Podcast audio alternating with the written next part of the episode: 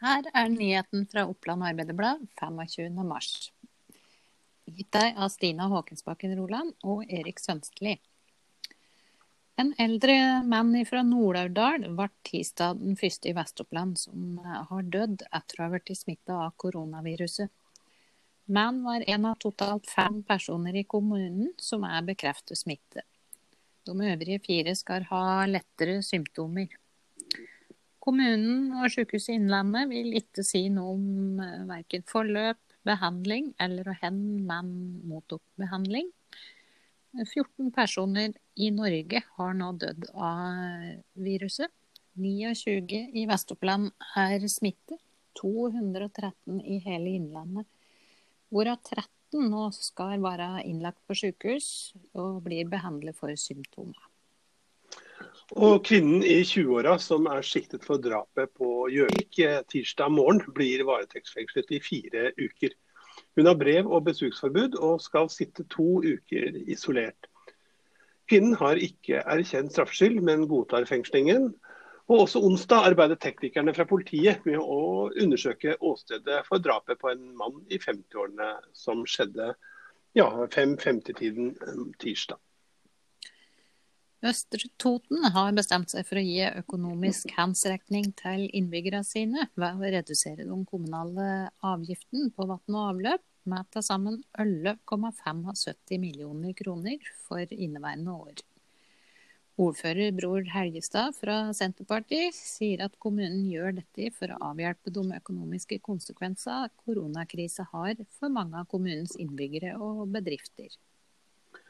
Og Siden 14.3 har det vært full stans i arbeidet med multisporthallen på Vind. Etter planen skulle det som eh, heter Gobb Arena stått ferdig til 1.6, men byggeleder Anders Myhre i Vind tror nå at den tidligst skal stå klar til skolestart.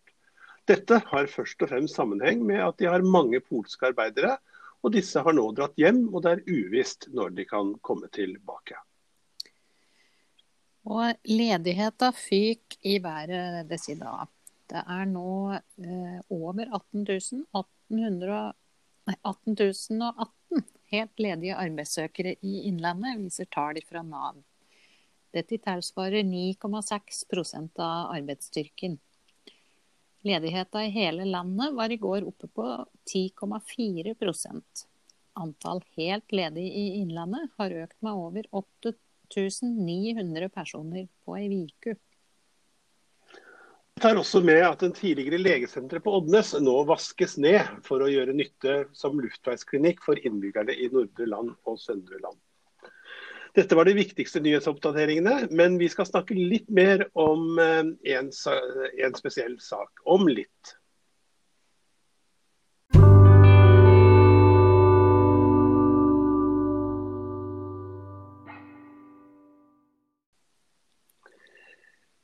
I dag eh, har Østre Toten gitt en økonomisk håndsrekning til innbyggerne sine.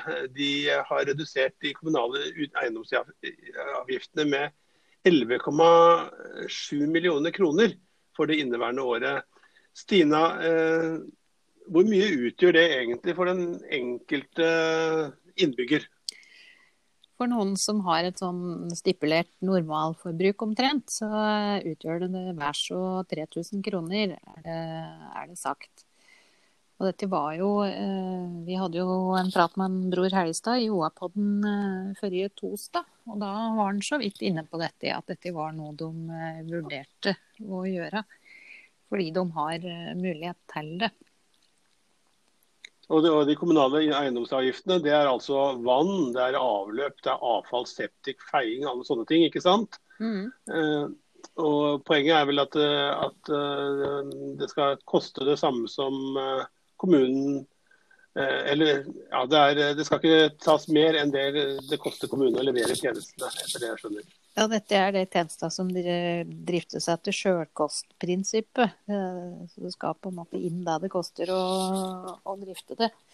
Og der er det sånn femårsramme som det er mulig å sjonglere litt innafor. Så, så disse eh, penga skal inn etter hvert, men de eh, løfter på det totale trøkket i år, i hvert fall. Og har, har jo allerede løfte litt på dette med betaling av SFO og slike ting. Ja, i den pakka som eh, som Gjøvik eh, Mm. land og Toten kommune eh, ble enige om å tilby innbyggerne i forrige uke. Mm. Eh, Du, eh, dette er til sammen ganske store lettelser for en kommune som jo i utgangspunktet hadde, hadde betydelige eh, kuttplaner. Måtte kutte i det, det, det skal kuttes i Østre Toten i utgangspunktet, og nå kom denne koronakrisen. Mm. Eh, eh, ja, eh, hvordan skal de få til dette? Nei, det kan du se. Eh, dette er, de har helt sikkert snudd på de steina som kan snus. Eh, det var jo ikke bare Østre akkurat som må kutte. Det er veldig mange kommuner i eh, Innlandet som eh, sleit veldig med budsjettene sine i år. Men akkurat dette som, som går på sjølkostprinsipp, tenker jeg at det, der er det jo en mulighet. Ikke sant. Og det tar de tak i nå. Bakdelen med det er jo og, at det de må settes opp igjen neste år.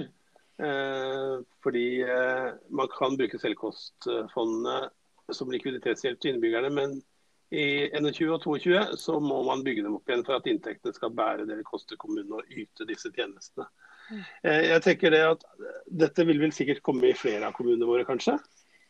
Ja, det blir jo spennende å se om det er flere som, eh, som vurderer noe lignende. Jeg har vel ikke eh, fått noe eh, tegn på det foreløpig, men det kan jo fort skje.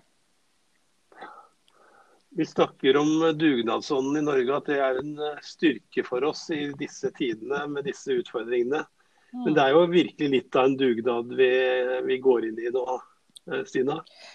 Ja, du, nevnte på det i stad. Det er litt som VM i dugnad, eh, dette nå. det, Jeg, det er litt annerledes enn å stå og steike vafler noen timer i en eh, håndballhall på en søndag ja. eh, i ny og ne. Dette er verdensrekordforsøk, tror jeg, i lang dugnad. Mm. Men vi fikser det. Ja, og det er jo det, Han må jo bare begynne en stand, fordi det er jo ingen som har oversikt over dette her. Så jeg tenker det som Mester Toten har gjort, å, begynne med det de kan gjøre, sånn på kort sikt, det, det er et godt utgangspunkt. Og så vet jo ingen hvordan dette ser ut når støvet legger seg. Da, da må en jo legge litt, eh, en litt større plan, da. Det, det må den. Skal vi si det at det var alt for i dag, Sina? Det var det grøvste for i dag, tror jeg. Mm. Det var nyheter fra OA 25.3. Stina Håkonsbakken Roland og Erik Sønsli ønsker deg en fortsatt god dag.